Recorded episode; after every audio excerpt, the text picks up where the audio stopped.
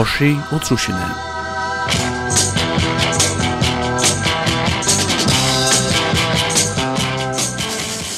Ein sending her er fai kjenna munum goa vi manni korsi og i hever vissar nekkar tónlistardigar blómer fra enn farnare tui ta haunen var fyllt vi bakaruion som baka oss i ekne brei vi ekno tilfære som ikkje var utlenskt.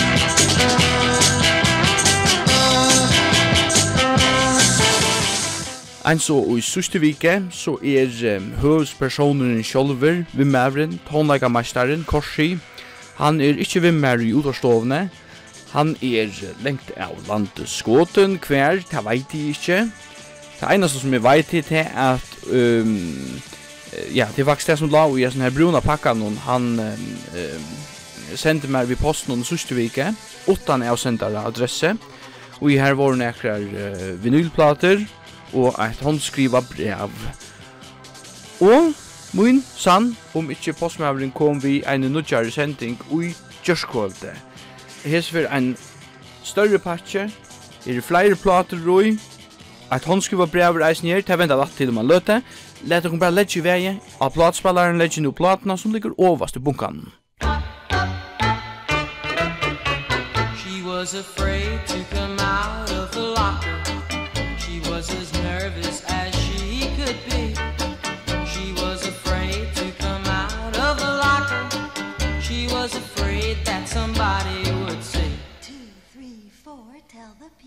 what you. It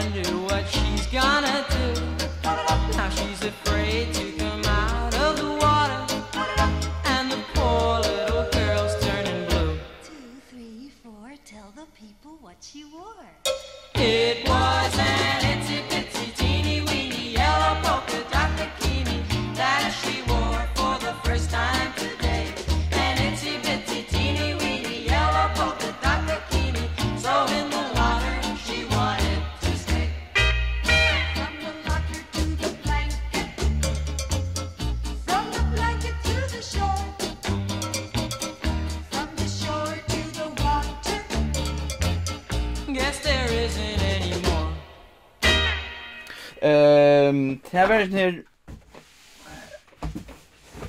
patch som er vi er stundir. Ehm, som jeg fikk vi ehm, ben må lukka flytta mikrofonen. Som jeg fikk vi i posten og så var det dette brevet som jeg ætla meg for å lese på sjur. Hei, Attor, gode finnor.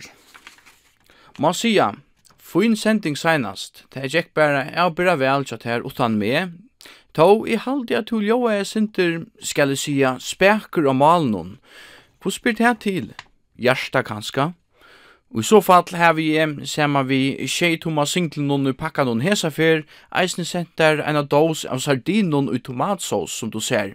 Det skulle vi båt.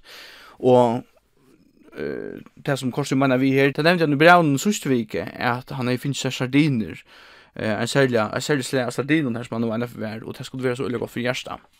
Nå, eller så gjør det.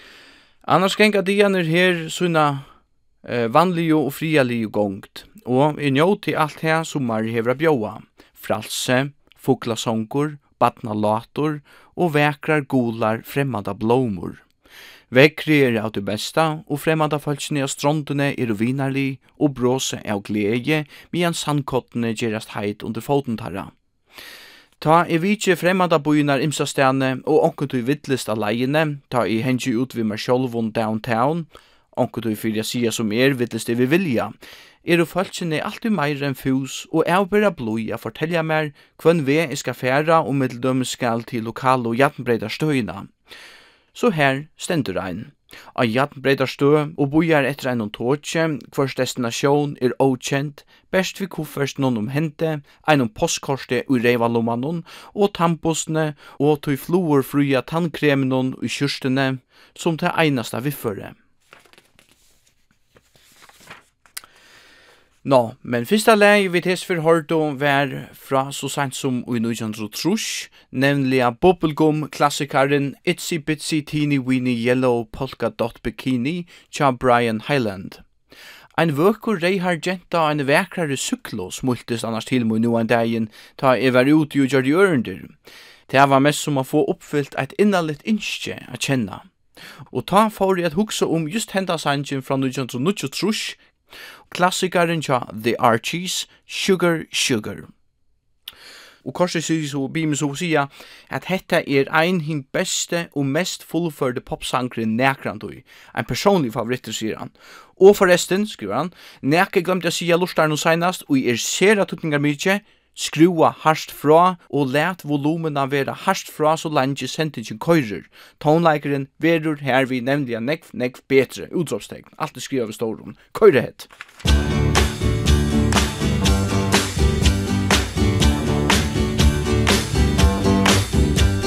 Sugar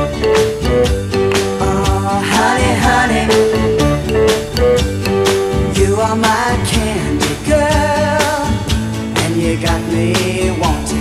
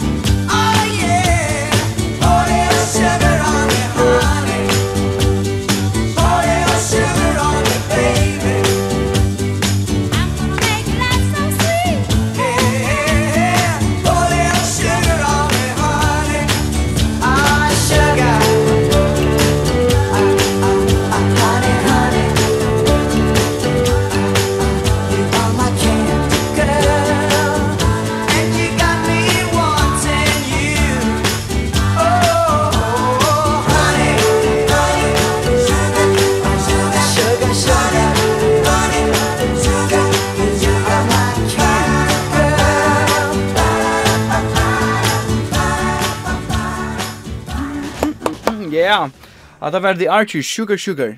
Sankren her minner meg alltid om um, goa barndomstider, Gundadal, kiosk Svelen, man kjøper seg kyrkje bubblegumne, um, jåsare i bubblegumne, som nærmast lukta vi av omkron plastikk, det er sikkert skuifotle kreft framkallande stoffon, men vel smakka i deg, og gå minne har vi om deg.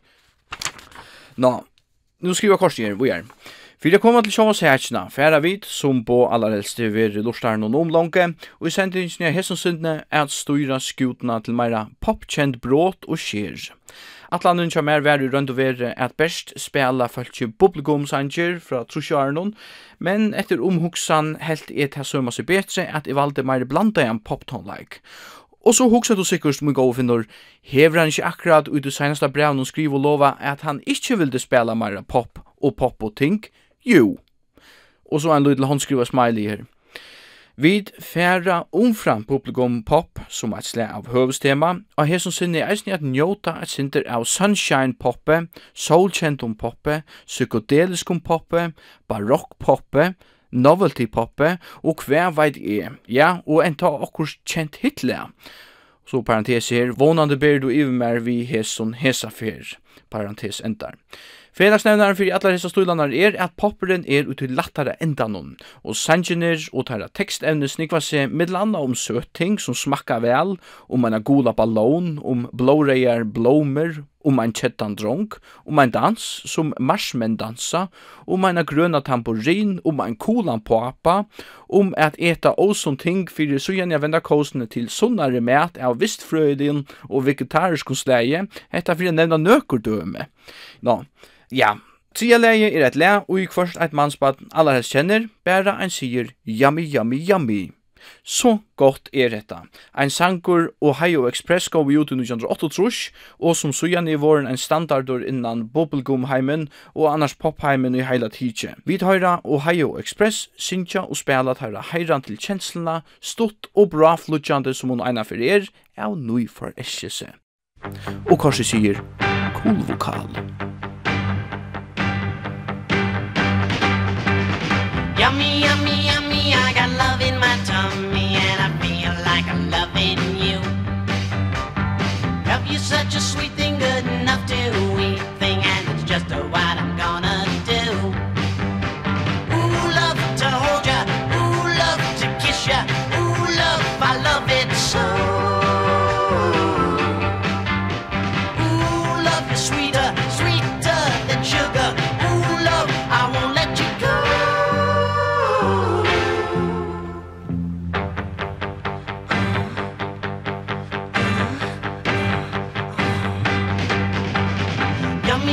yummy.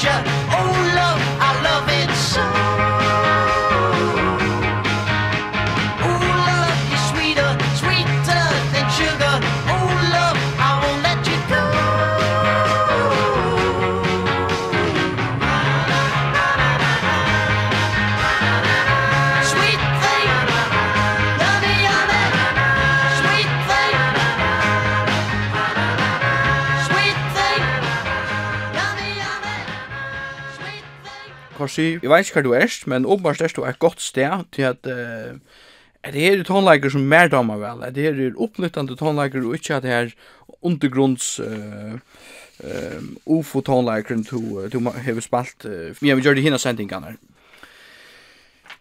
Jeg sitter her ved Braunon, Braunon tja korsi, uh, la meg kan vite hva det er, ja, og korsi skriver nu, Hang on, sloppy, Etter Burt Burns var upprunande ein R&B-sanker tja The Vibrations, nentur My Girl Sloopy.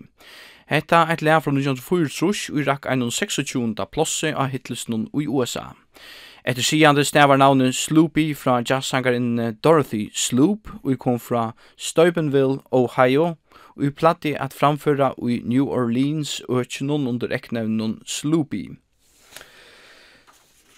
Men til kjoltleie.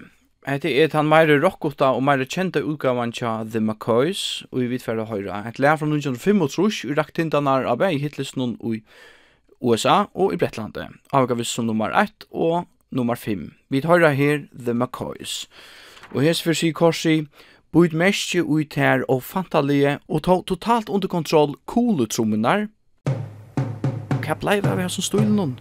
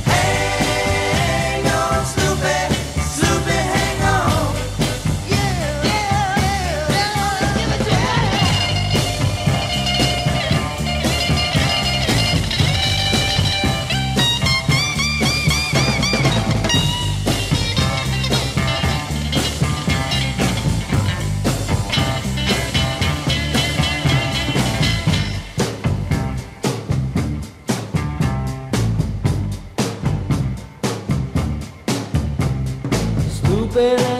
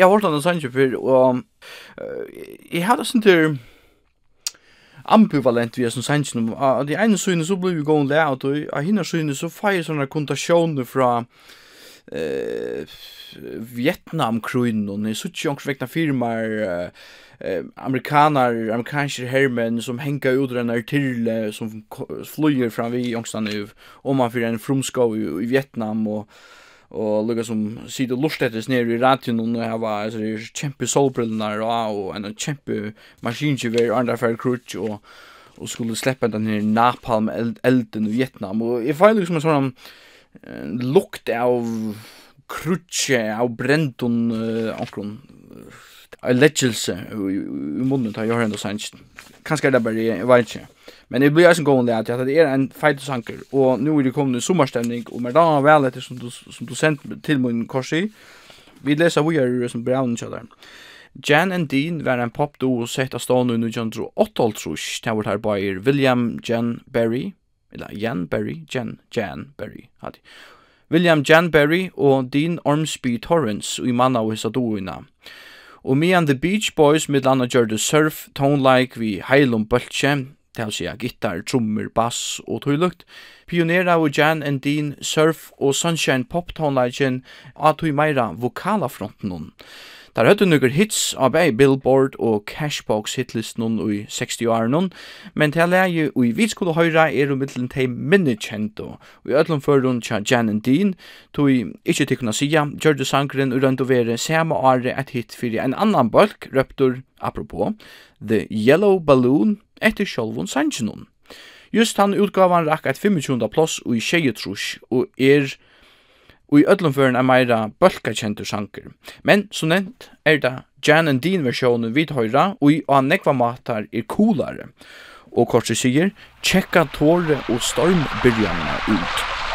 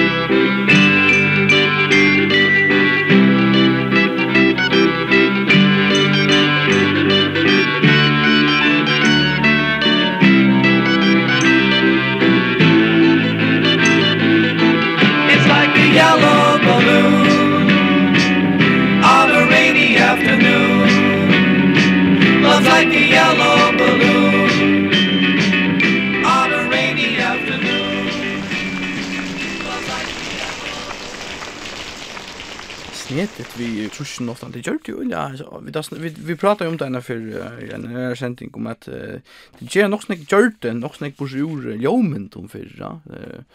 Vi är som för uh, så cirkus tema ja. Att mitt med syndrom att det läge the Beatles ja jeg minns jo det eiter, to the benefit of Mr Kite. Så synkar han för en viss det er det som så vart det er karusellen som för runt om. Jim jim om jim jim. No Jeg er blind kaffetister, jeg har vi eisen, er eisen blind svenger et kake. Jeg får lykke å lese, eller får lese det som korset har skrivet om det neste leie, og ta i til leie for fra, så får jeg etter kaffe, og så får jeg eisen etter, uh, men jeg har hjemme gjør det råkøke, Det er vi uh, uiblåstren fra tog som, var, uh, som jeg fikk i siste som jeg kjøpte her i fra eh fra timen her i Norrlandhusen og jeg helt av nekka dusj til her men uh, nu skiljer faktisk hvor det er en særlig ingrediens som man kører i som ikke er boilet skal jeg helst å si det venter til uh, eh jeg atter til uh, eh attana til leie som kommer nu etter sikkert det satta leie og korset skriver her at taimon kjentar løvnene hesson sinne fer nu til tonar og er meira solkjentur og annars nirja hjørne Tå vi sunnum vel oppeborna drussi av psykedelia, eit perfekt le at frutja til. Og i ødlefyrn ta ut hune GT. Og hette så Crimson and Clover tja Tommy James and the Shondells og i 1928 kom ut i rønd og vere som eit rough mix, det vil si åren leie helt var helt li ut mixa, ta ein utvarstø så a kalla lika i leie ut, det vil si lek leie ut, stjolta, kort ut, åren og li ut. Og leie gjørdist eit hit i USA som nummer 1, og annars nekvast æra stedane kring knøtten. Tommy James, sangaren og lesmyren av Crimson and Clover, som skriver i leie sammen vi tromspellaren og Pete Lucia Sala, hever sagt at Crimson and Clover er og tvei av hans herre intis åren og i fotlo sema mest som av tilvilt ein morgon ta hans deg ur songsyne. Han helt at han ljoa i sera vekkost og poetis saman. Vi skrua tempo i nyer, og hitan opp. Vi Crimson and Clover og Tommy James and the Shondells eit hit besta trusjarne hava a bjóa iver høver. Og her sier Korsi, legg mestje til alt instrument, vokal og framleisle, krem til a krem. Ah.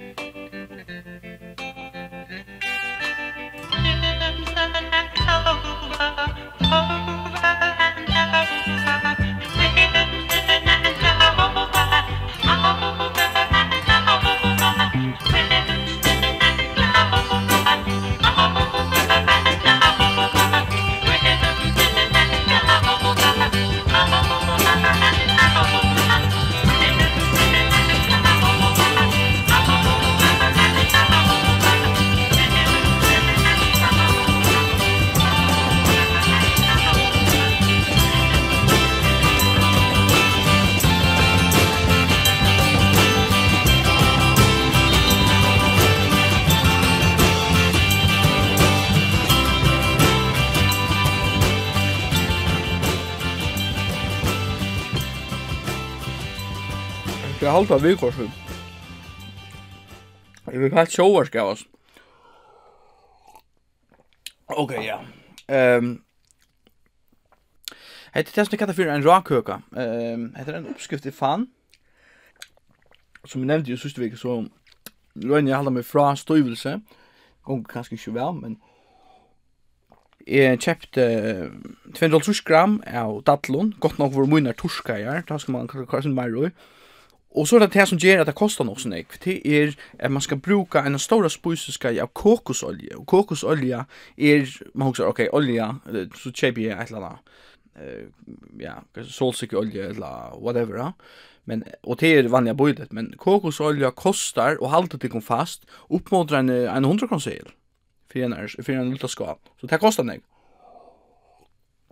Det skal man så heva, Dattlenar skal man så først, um, knusa, eller så, smorla, eh, nekra mandler, en 100 gram av mandlun. Og så kører du kokosøylen i, og en tvær spuiskar av kaka, og sånn vaniljespulver, ok, til jeg sånn sukker i, det er færa, og så kanel. Sjån til steinene måste du tekka ur det til nær, men mengen er så, så blandar du alt det til skjermen til det er en sånn, en sånn klistrutter masse, og så teker du och rulla där som sån lutlar, vad ska man säga, romkuler, pickelutlar romkuler. Körde in i uh, i kölskapet och vad ska jag säga, en sjukt nummer sättning så har du eh rakkuker. Eh rakkuler. Så inte lugga gossen Napoleon satt där, men men sunnar än Napoleon satt. Så här har du det. Ja, hva var vi? Uh, jeg fikk sjåvarskapen her. Uh, nå er det kommet noe som film i at det. var ikke om det var du kanskje nekka års, var ui, jeg som kakk noe som ikke tålt. Eh, spurt ikke være, altså det er ikke egget eller noe som man kan. Nå, Skandinavia hei eisni okkur fantastisk at tonleiki ui 60 åren, to altså ikke så kjent og slåande som tonleikeren ur eitno Brettlandi og USA. Og ein tarra var The Mascots, ein svenskur beatbølger. Bølgeren var mann av Anders Forslund, Gunnar Idering, Kjell Jeppsson, Rolf Adolfsson og Stefan Ringbom. Bølgren hei nøkulunda suksess, og kusser i heimlanden og gav omframt tver plater og lei enn 20 singleplater ut, ljot har vært stora mån British Invasion kjent. Ja, onkur vi vera vi at her imitera vår British Invasion bølganar. Hetta kan lortaren sjálfur dømme om, i dag om det ødelen for en vel. Vi tar fra 1925, A-syna av singlene A Sad Boy, ser godt lea, og korset sier, tjekka harmoniunar ut.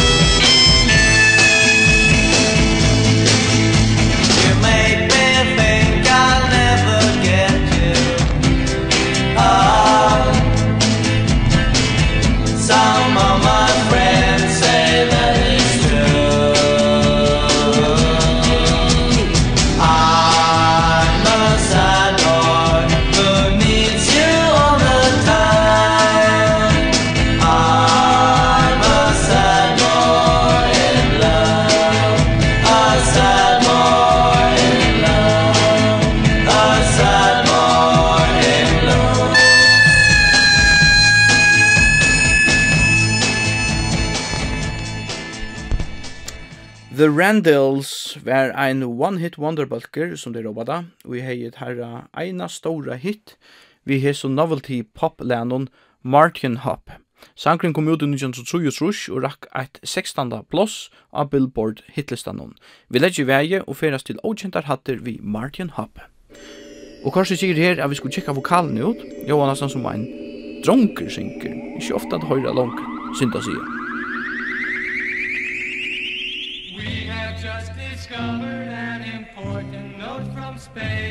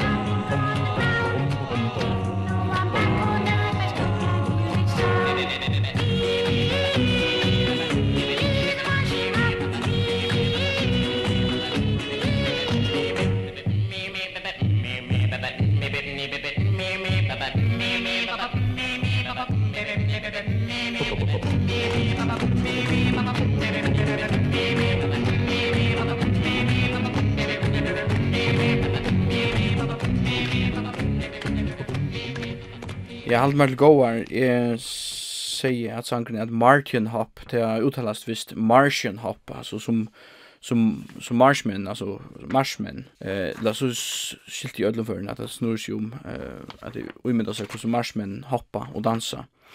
Løy, annars hos um, tema i fyrir trusjene skilji jeg alene, og nå er det godt nok et produkt av forsen, men uh, som i skilje så var man i, 60 år, og nekk opptidgen av uh, rymdene av uh, løyve utanfyr uh, altså ærastene enn å gjøre det utanfyr uh, nekva serier og sånt uh, sjångarserier, tekniserier og så er det ofte en marsmenn, hvor er akkurat mars? Ok, man visste jo ikke bedre nu halte man veit bedre at her er visst ikke ja, jeg skal ikke at kanskje er det løyve mars men jeg vant ikke til sånne marsmenn som hoppa. Who knows, altså. Det er kanskje mars at du er på korsi. Er det her du gømte? Det er kanskje virda best som var fri. Nå. Vi får nå høre et annet kjent lea, skriver Korsi. Et synte meira psykedelist enn over. Det var Shelly Pins, vi skriver teksten etter at han hei lysi en jo vois om ein eldre gøtetonleikare i Brettlande og i nutte tamburinsyna til å vinna seg pening vi, men han spalte utanfor en banka. Ein av mine vinnun vil annars vera vi at ein grøn tamburin er et metafor fyrir feitar. Luga vei det om hetta. Vi tar jo for The Lemon Pipers spela på tamburin og andre instrument. Hetta er Green Tambourine fra 1923. Og korsi sier tjekke effektene av vokalene, omframt strukarnar. Musik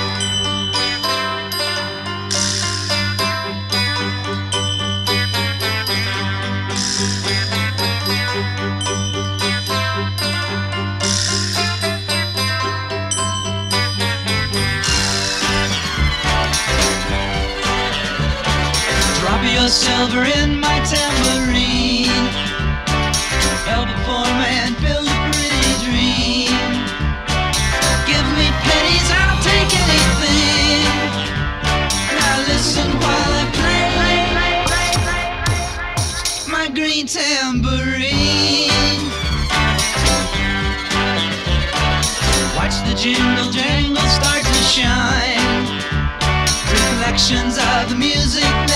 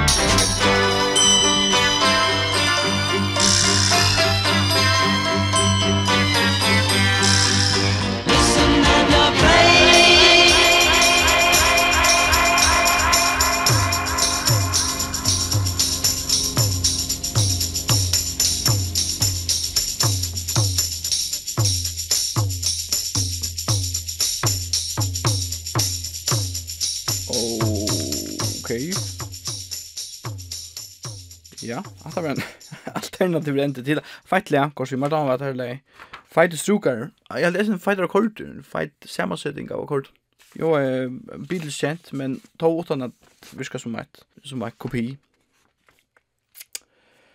Av tæmum kjentar og bubblegum bølkenun dominera av The Monkeys i Stora mun i 60-åren og i 1908 røynd og tær nutja leir við herra psykadeliska komediefilme Head, eins og fralika soundtracket til filmen kom ut. Og en så fyrr tolka av et lærtja Harry Nilsson, en annan kjentur herre fra 60-åren, og i, eh, er just det lei vi skulle høyra. Han kabaret informera i sangren Daddy Song, og jeg finner, tjekka gjerna klippet av YouTube ut, og ikkje minst frisyrna tja Davy Jones.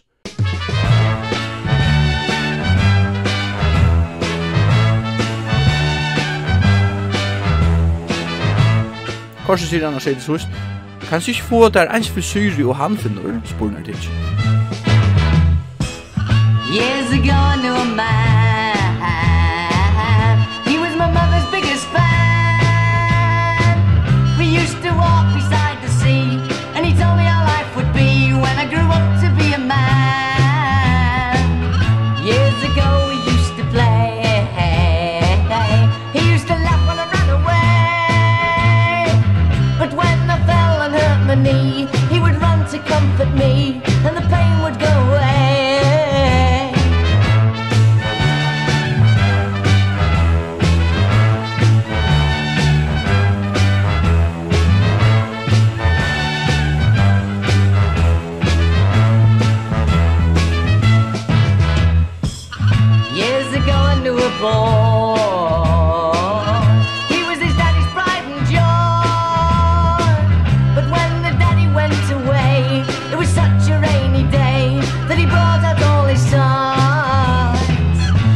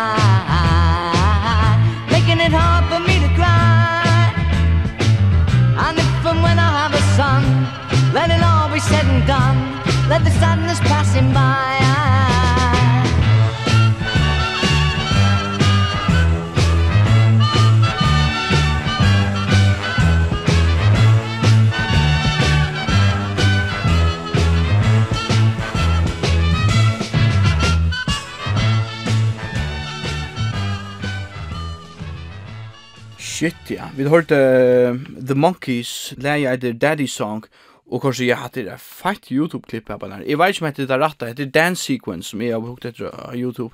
Og her man ser han dansa, og det er flott video der, og det er flott koreografi, deilig dama han dansar vi forresten her, og som du sjåv syr, en feit frisyr han er her, jeg har faktisk haft en sånn frisyr, det er det som man kallar for en hjelma frisyr, han er jo da jeg ikke student.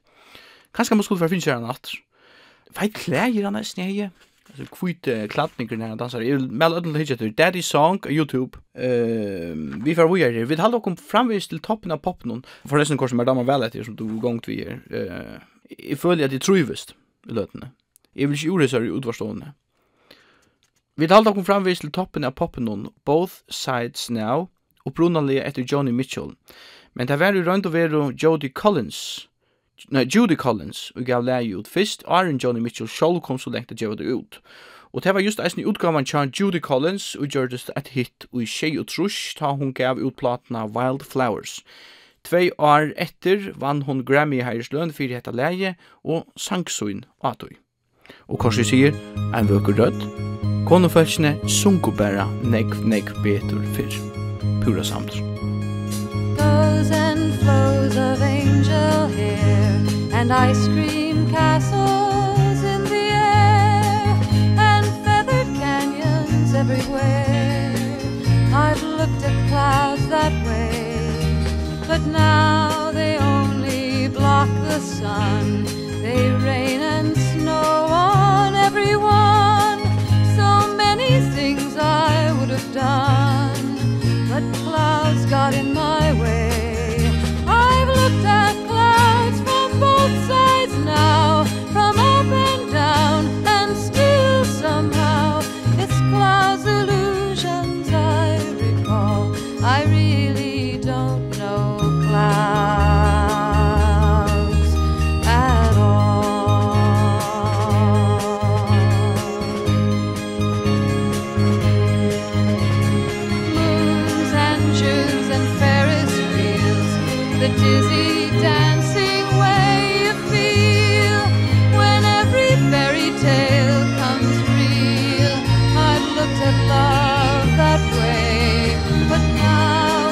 just another show.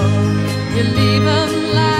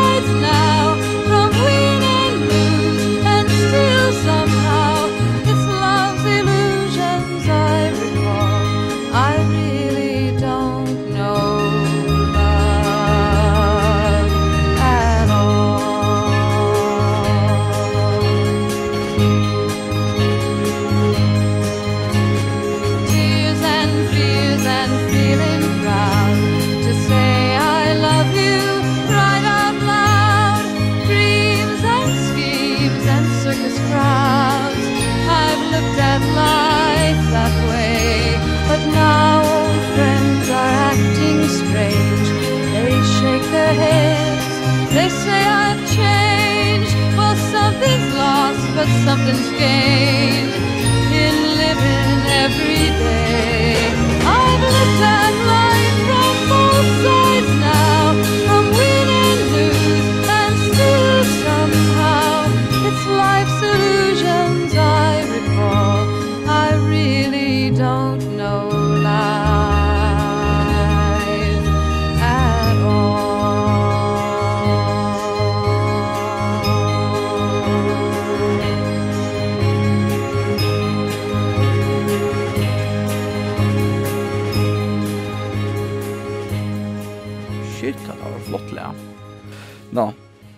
Beach Boys lær, og sjoldan eller aldri er høyra, er Help is on the way. Og help er skriva som h.e.l.p. vi står. Teksteren byrjar vi at Brian Wilson, og Brian Wilson er uh, tan mæren som er skriva ödløyene og teksten i Beach Boys, byrjar vi at Brian Wilson stender spillnæsjen framfor speklen og legger til mestjes hvordan tjukker han brottliga i våren og imot til avvår ta han som han sjåv synker, luktist einon sonnon griskon gode. Han veit at han jo må brøyta synar, åsson og kostvenar, tog han eter jo onek sukur og fatt, synkur han.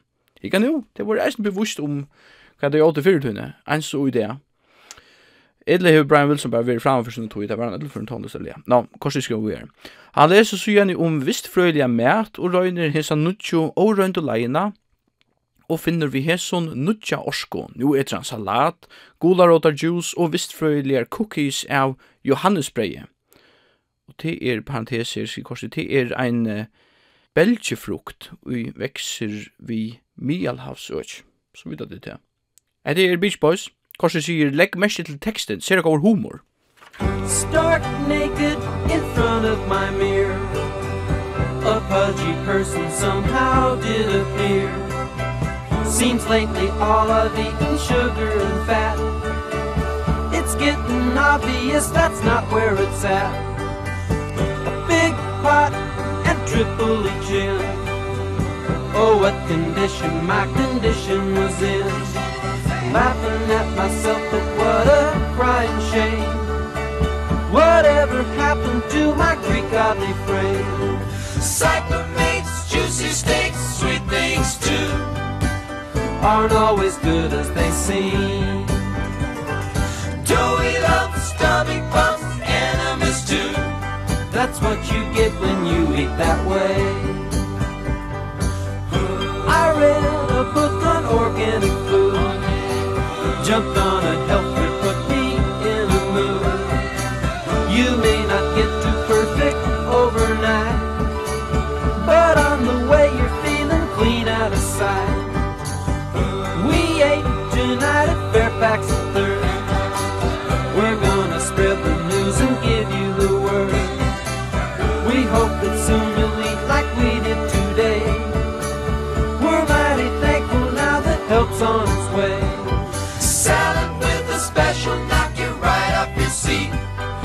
carrot juice to wash it all down. Yummy carrot cookies are an organic treat And help us got the best food in town.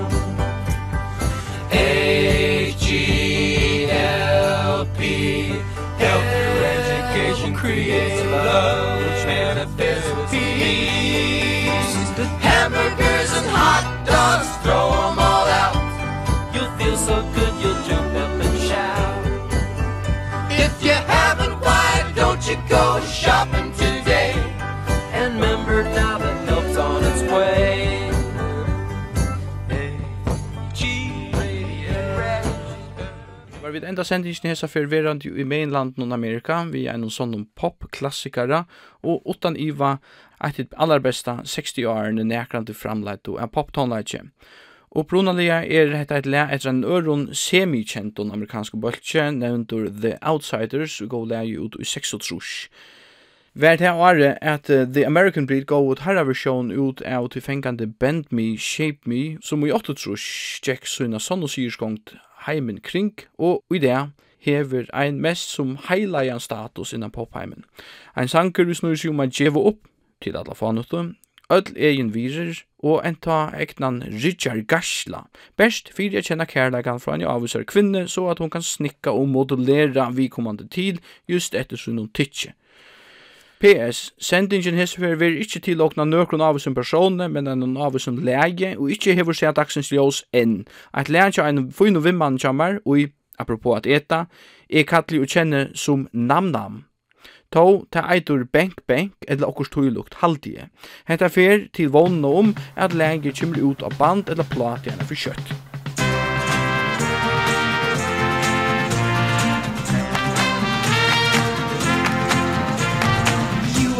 the woman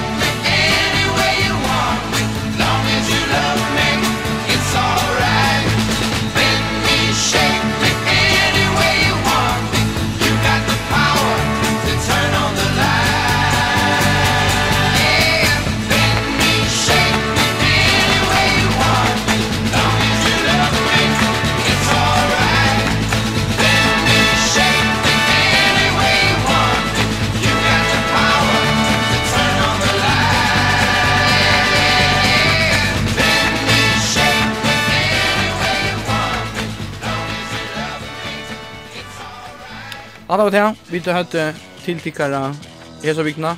Det var bara i det. Korsi är framhus i utlandet någon kvar, vet jag inte. Höjdas nästa vecka.